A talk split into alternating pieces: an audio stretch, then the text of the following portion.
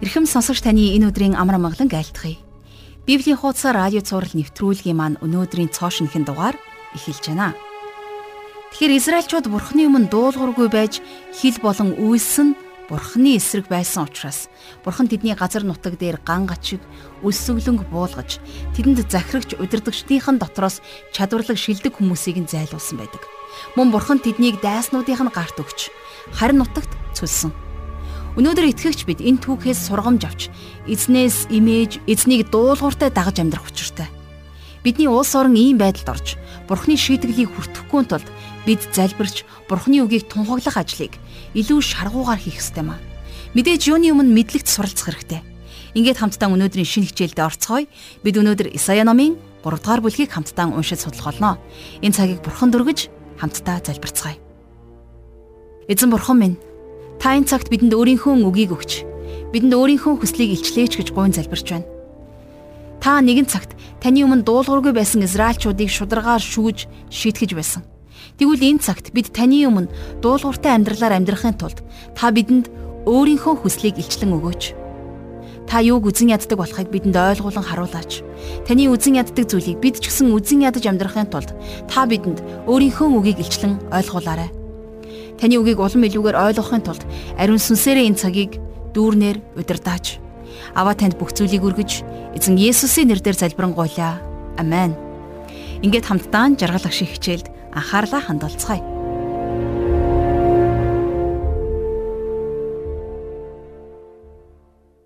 За өнөөдрийнхөө хичээлийг бид хамтдаа Исаи номынхон 3 дугаар бүлгээр эхлүүлж байна.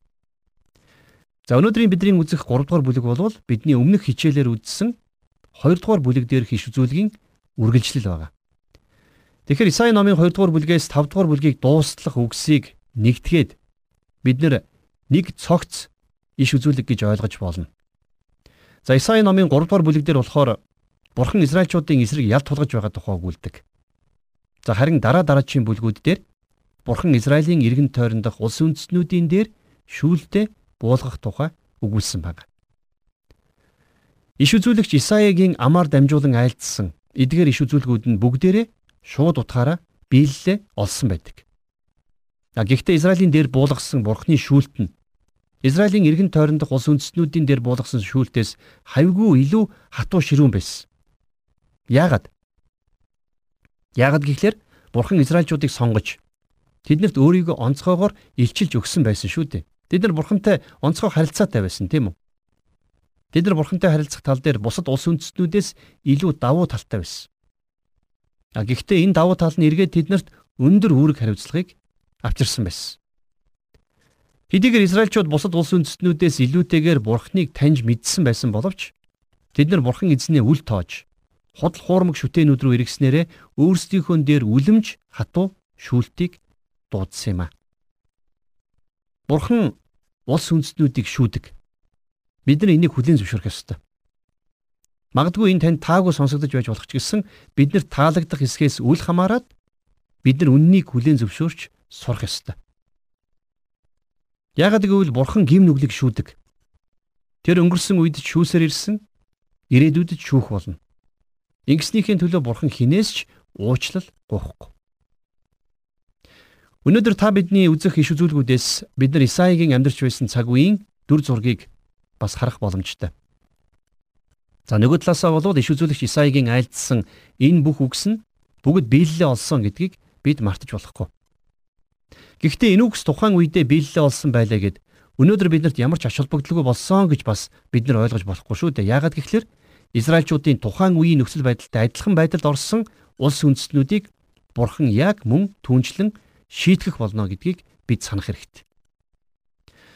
За өнөөдрийн бидний үзэх Исаи номын 3 дугаар бүлгийн эхний 15 ишлэл нь бол сул дорой төр засгийн тухай болон за бас дээрэс нь эмэгтэйчүүдийн хувцалтын тухай өгүүлсэн байдаг. За энэ хоёр сэдв хоорондоо ямар ч авцалтаагүй юм шиг санагдаж болох ч гэсэн хоорондоо нилээд нягт холбоотой болохыг бид нар өнөөдрийнхөө хичээлээр үзэх болно. Ингээд хамтдаа Исаи номынхон 3 дугаар бүлгийн 1-ээс за 3 дугаар ишлэлийг одоо уншийе. Харах тун. Төг төмдийн бурхан эзэн өөрийн хангамж тусалцааг Иерусалим болон Юдагаас зайлуулах гэж байна. Талхны бүх хангамж, усны бүх хангамж, хүчит эрс болон дайчид, шүүгчд ба иш үзүүлэгч, төлөгч ба ахлагч, тавтын ахлагч ба хүндэт хүн, зөвлөгч ба уран зураач, бас чадварлаг илвчдэгч гэсэн зайлуулнаа. За Исаигийн энэ үгс Юда болон Иерусалимтэй холбоотой болохыг энд тодорхой хэлсэн байна. Бурхан Юда болон Иерусалимийн дээр байсан өөрийн хангамж тусалцаагаа зогсоох гэж байгаагаа хэлсэн байна, тийм ээ. Энд талхны бүх хангамж, усны бүх хангамжийг зайлуулах болно гэж хэлсэн байна. Хүн өнөөдөр хэдийгээр зөвхөн талхаар амьдрахгүй ч гэсэн хүний амьдрал талах зайлшгүй хэрэгтэй гэдгийг хүн болгон зөвшөөрнө. Талх болон усны хангамж зайлуулагдана гэдэг нь цаагуур ган гачиг үлсгэлэн болно гэсэн илэрхийлэл гэж Библийн судлаачид тайлбарладаг. Үлсгэлэн гэдэг бол Бурхны шүүлт байдаг. Библиэлд нийтдээ 13 удаа үлсгэлэн болсон тухай дурдсан байдаг бол тэдгээр нь бүгдээрээ Бурхны шүүлт хэмээн бичигдсэн байдаг. За тэгэхээр эндээс харах юм бол Бурхан зөвхөн Израилийн талх улсын зайлуулаа зогсохгүй бас шилдэг удирдгчдийн зайлуулна гэж хэлсэн байна, тийм ээ. За төрийн чухал байр суурин дээр чадварлаг авиаслаг удирдгчид байхгүй байна гэдэг нь өөрөө нэг төрлийн бурхны шүүлт юм аа. Өнөөдөр улс төрийн өндөрлөгт гарахыг эрмэлзэж байгаа бүхэл хүмүүс өөрсдийгөө агуу хүмүүсээ гэж өргөмжилдэг. А гэхдээ тэдний дунд үнэхээр чадварлаг, үнэхээр удирдан зохион байгуулах авиастай, үнэхээр зөв шудраг хүмүүс байгаа юу гэвэл өдрийн од шиг цөөхөн байгаа. Төр засгийн эрх мэдэл бүхий байр суурьнд суусан хүмүүсийн дотор улс их орноо биш, харин амин хувийн эрх ашгаа бодсон богино бодолтой хүмүүс олон байгаа. Улс үндэсний дотроос агуу удирдагчид шилдэг манлайлагчид төрөн гарахгүй байна гэдэг бол нэг талаас бурхны шүүлт юм. Өнөөдөр зурагтаар гарч байгаа бүхэл хүмүүсийг иймч агуу уран бүтээлч, тиймч мундаг авиастан гэж нэрлэж цолдогч гэсэн тэр хүмүүсийн дунд хуучны мундаг авиаснуудтай энэ зэрэгцэх хүн маш цөөхөн байдаг шүү дээ. Бид нар хуучны агуу түүхээрээ бардамнан сархитагч гэсэн биднэрт өнөөдөр үзүүлж харуулчаар зүйл байхгүй л байна. За цааш нь бурхан юу гэж өгүүлсэн байгааг хамтдаа дөрөвдүгээр ишлэлээс уншийе. Би нь ялах хөвгүүдийг тэдний ноёд болгож эрх хүүхдүүд тэднийг захирна. Өнөөдөр томчуудын хүүхдүүд гэдэг тодтолтой хэсэг бүлэг хүмүүс гарч ирчгээд байгааг та бид нар сайн мэднэ. Улс төрийн байр суурийг ураг төрлийнхөндөө дамжуулан өгч амьдрал үзээгүй эрх хүүхдүүд улс гүрнийг удирддаг цаг үе ирчгээд байгааг бид нар мэднэ. А гэтэл үнэн дээр иш үзүүлэгч Исаигийн үд ч гэсэн бас л ийм зүйл болсон байх шүү дээ. Израиль улсыг мөхөлд хүргэсэн нэг том шалтгаан бол энэ байсан. Ирэх хүүхдүүд тэднийг захирна гэж бурхан альдсан байна. Юудигийн удирдагчид ийм чадваргүй сул дорой хүмүүс болж хувирсан учраас бурхан тэднийг Вавилоны цөллөг рүү илгээсэн юм. За 5 дугаар эшлэлдэр ард олон дарлагдж хүмүүр нэг нь нөгөөгөө хөршөө дарлаж залуус нь өвгөд рүүгээ захирагдагсд нь хүндэт хүмүүс рүүгээ дайрна гэсэн байна тийм ээ. Гэхдээ тэгээд ингэж уншихаар зэрэг Исая яг л бидний одоогийн цаг үеийн тухай яриад байгаа юм шиг санагдаж байгаа биз? А гэхдээ тухайн үеийн Юдагийн нөхцөл байдал ч гэсэн яг л ийм байсан байна. Хүмүүс бие биенээ дарлаж өөрийн эрх ашигын төлөө өрөөлийг хохироож залуу хүмүүс нь их захаа алдаж хүндлэх дээдлэх бүхнээ уландаа гიშигдэг цаг үед өнөөдөр та бид нар амьдарч байна шүү дээ.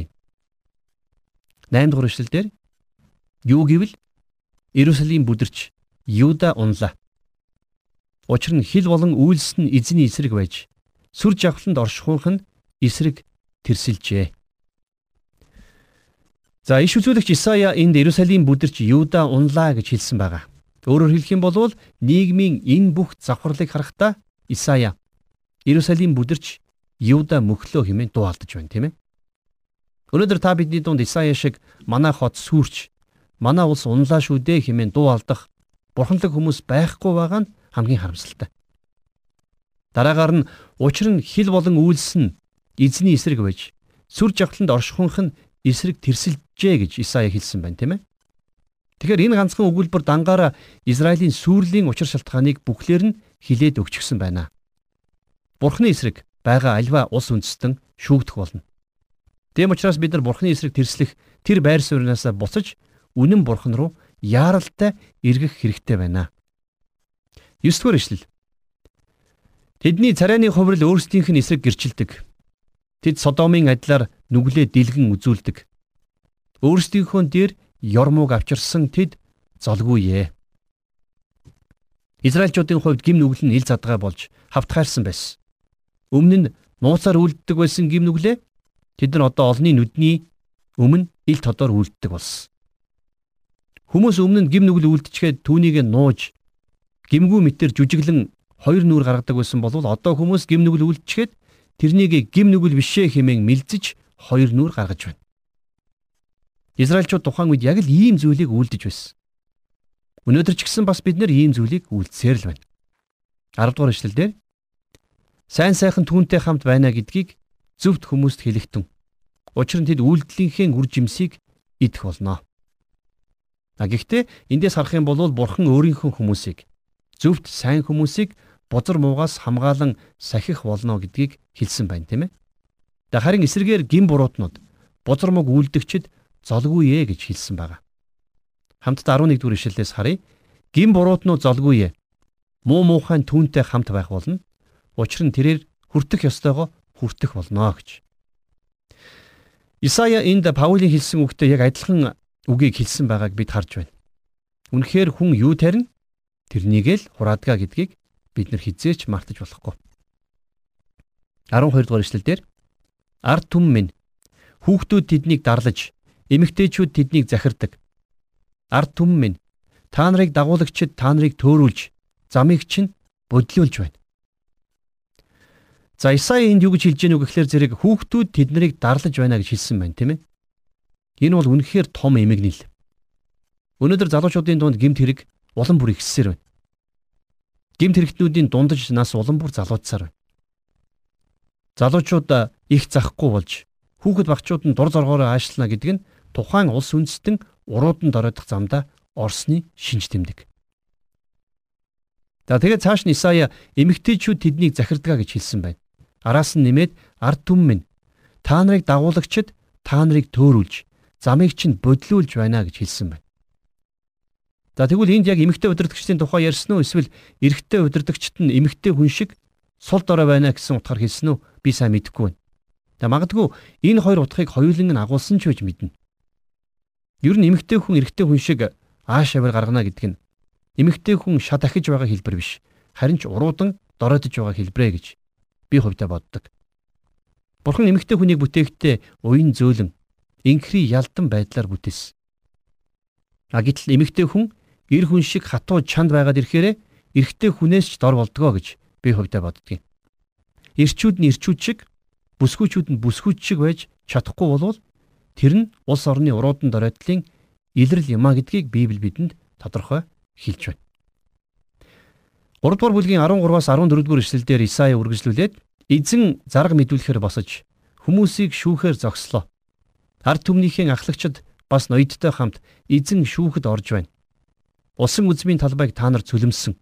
Ядуусаас дэрэмдсэн олдч чинь гертт нь бий.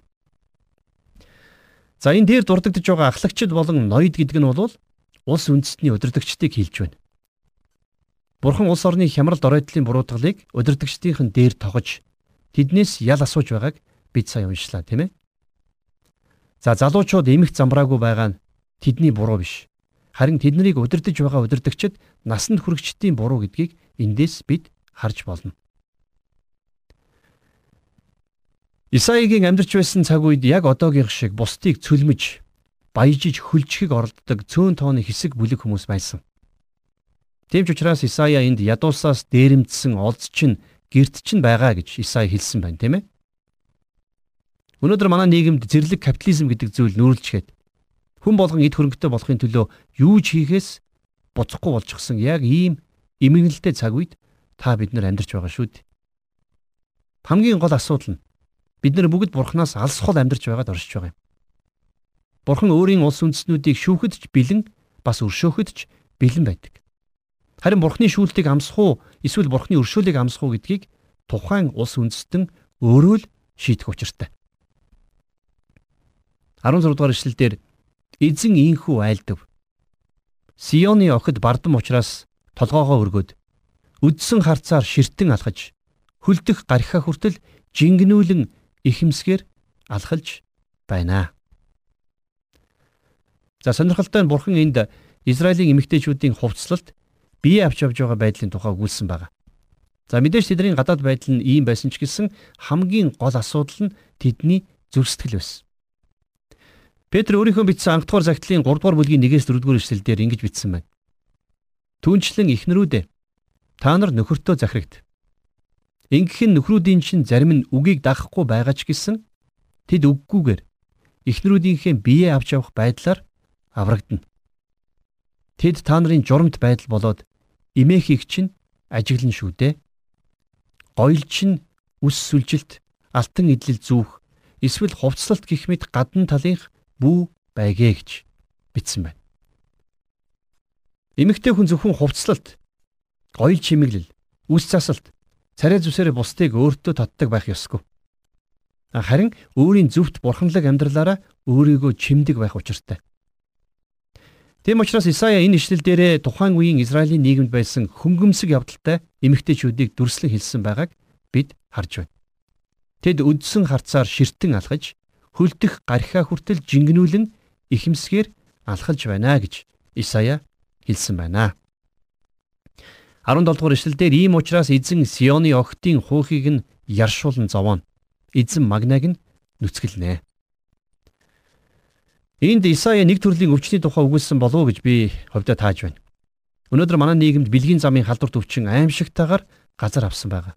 Үнэхээр хөнгөмсөг явдал, ёс бус байдал өвчин зовлонг ардаасаа дагуулж байдаг. Үргэлжлүүлээд 18-аас 24 дугаар ишлэлдэр тэр өдөр эзэн хөлдөх гарх, толгойн зүйлд, саран хэлбэрт чимэглэл, эмэг, бугуйвч, гівлүр, малгай, хөлийн гинж, бүс, сүрчигний хайрцаг, сахиус, хурууны бүгж, хамрын гарх, ёслолын хувцас, гадуур цамц, нүмерэг, мөнгөний төрөвч, толь, дотор хувцас, альчуур, гівлүр зэргийг бүгдийг нь авч хайна. Англиун сүрчг нь өмхий ус, бүс нь олс, гоёмсог зассан үс нь халцарсан хуйх, сайхан хувцс нь тааран өмсгөл болж үзэгслэн гоог ичгүүрийн тамга орлоо гэж бичсэн байна. Ер нь эмэгтэй хүний хувцалт гэдэг тухайн улс үндэстнийг хэмжих нэгэн хэмжүүр болж байдаг. Хэрвээ эмэгтэйчүүд нь зөв зохистой хувцалдаг бол тэр нь тухайн улс үндэстний талаар нэгийг хилээд байна гэсэн үг. Тэгэхээр та бидний саяхан уншсан ишлүүд дээр эмэгтэй хүний 20 гаруй идэл хэрэглэлийг дурдсан байна, тийм ээ? За мэдээж эмэгтэй хүн загварлаг сайхан хувцлахад ямар ч буруу байхгүй. Бид нар эрэгтэй эмэгтэй байхаасаа үл хамааран байж болох хамгийн сайхнаараа л харагдах ёстой. Тухайн үеийн Израилийн эмэгтэйчүүдийг бурхан загварлаг хувцаллаа гэж буруутгаагүй лавтай. Харин бурхан тэдний дотоод зүрх сэтгэл, тэдний амьдралынх нь хэв маягийг буруутгаж байсан.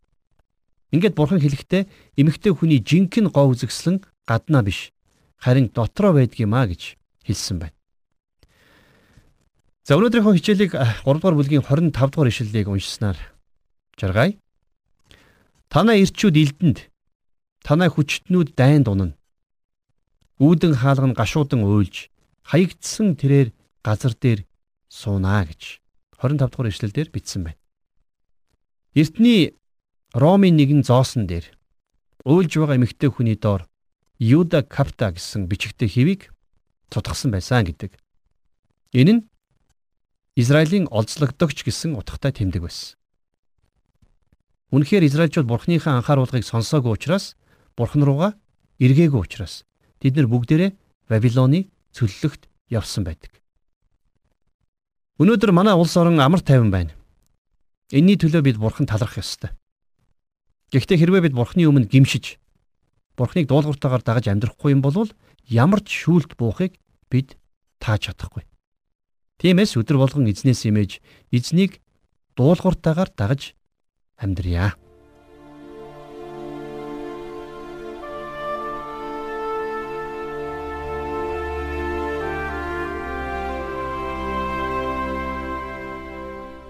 Тэр өнөөдрийн хичээл энэ хүрээд өндөрлөж байна. Шинэ гэрээний Ром номонд засаг захиргаа хаадын төлөө залбир гэж өгүүлсэн байдаг. Тэгвэл амар амгалан амьдрна гэж байдаг. Сонгосон хүмүүсээ хийж байгаа зүйлийг нь дэмжиж, буруутгал зэмлэж, хүнд хүчиртэй тулахт нь хамт зогсохгүй байж юу тохиолдохыг бид сурч байна. Бурхан Израилийн удирдагчдыг харийн хүмүүсийн гарт тушаасан. Тэгээд Израильд юу тохиолдсныг бид хамтдаа суралцж байна. Бид яагаад энэ бүхнээс суралцж болохгүй байх вүлээ дээ? Сонсогч та энэ бүхнийг эргцүүлэн бодож Исая номоо биедан судалгааг мөн уншихыг зөвлөж байна. Монгол улс орон удирдагчдийнхаа төлөө залбирах залбиралд би таныг уриалж байна. Дараагийн хичээлээр илүү гайхамшигтээ гүн гүнзгий тайлбар мөн иш үзүүлэхээр хамтдаа иргэн уулзцгаая. Хичээлийн төгсгөлд өөрсдөө залбиралд зориулъя. Бурхан Аава, таньдаа баярлалаа Аава. Бид өдөр бүр таньаас имэж, таны өмнө дуулууртай амьдрахыг хүсэмжлэн залбирч байна. Таны өмнө дуулуургүй зөрүүд байдал гаргаж, танаас шийтгэл авсан Израильчүүдийн түүхийг давтахгүй байхад та бидэнд туслаач. Бидний зүрх сэтгэл, бидний хандлага, бидний оюун бодол таны өмнө зөв байхын төлөө таны хүслийг үргэлж эрэлхийлэн амьдардаг тийм л хүмүүс байхын төлөө бид энэ цагт хичээнгүйлэн гуйн залбирч байна. Та биднийг ариун сүнсээрээ удирдаарай. Бид танд оюун бодол, зүрх сэтгэл, ам амьдралаа таны моторт өргөж эзэн Есүсийн нэрээр залбирanгуйч байна. Амен.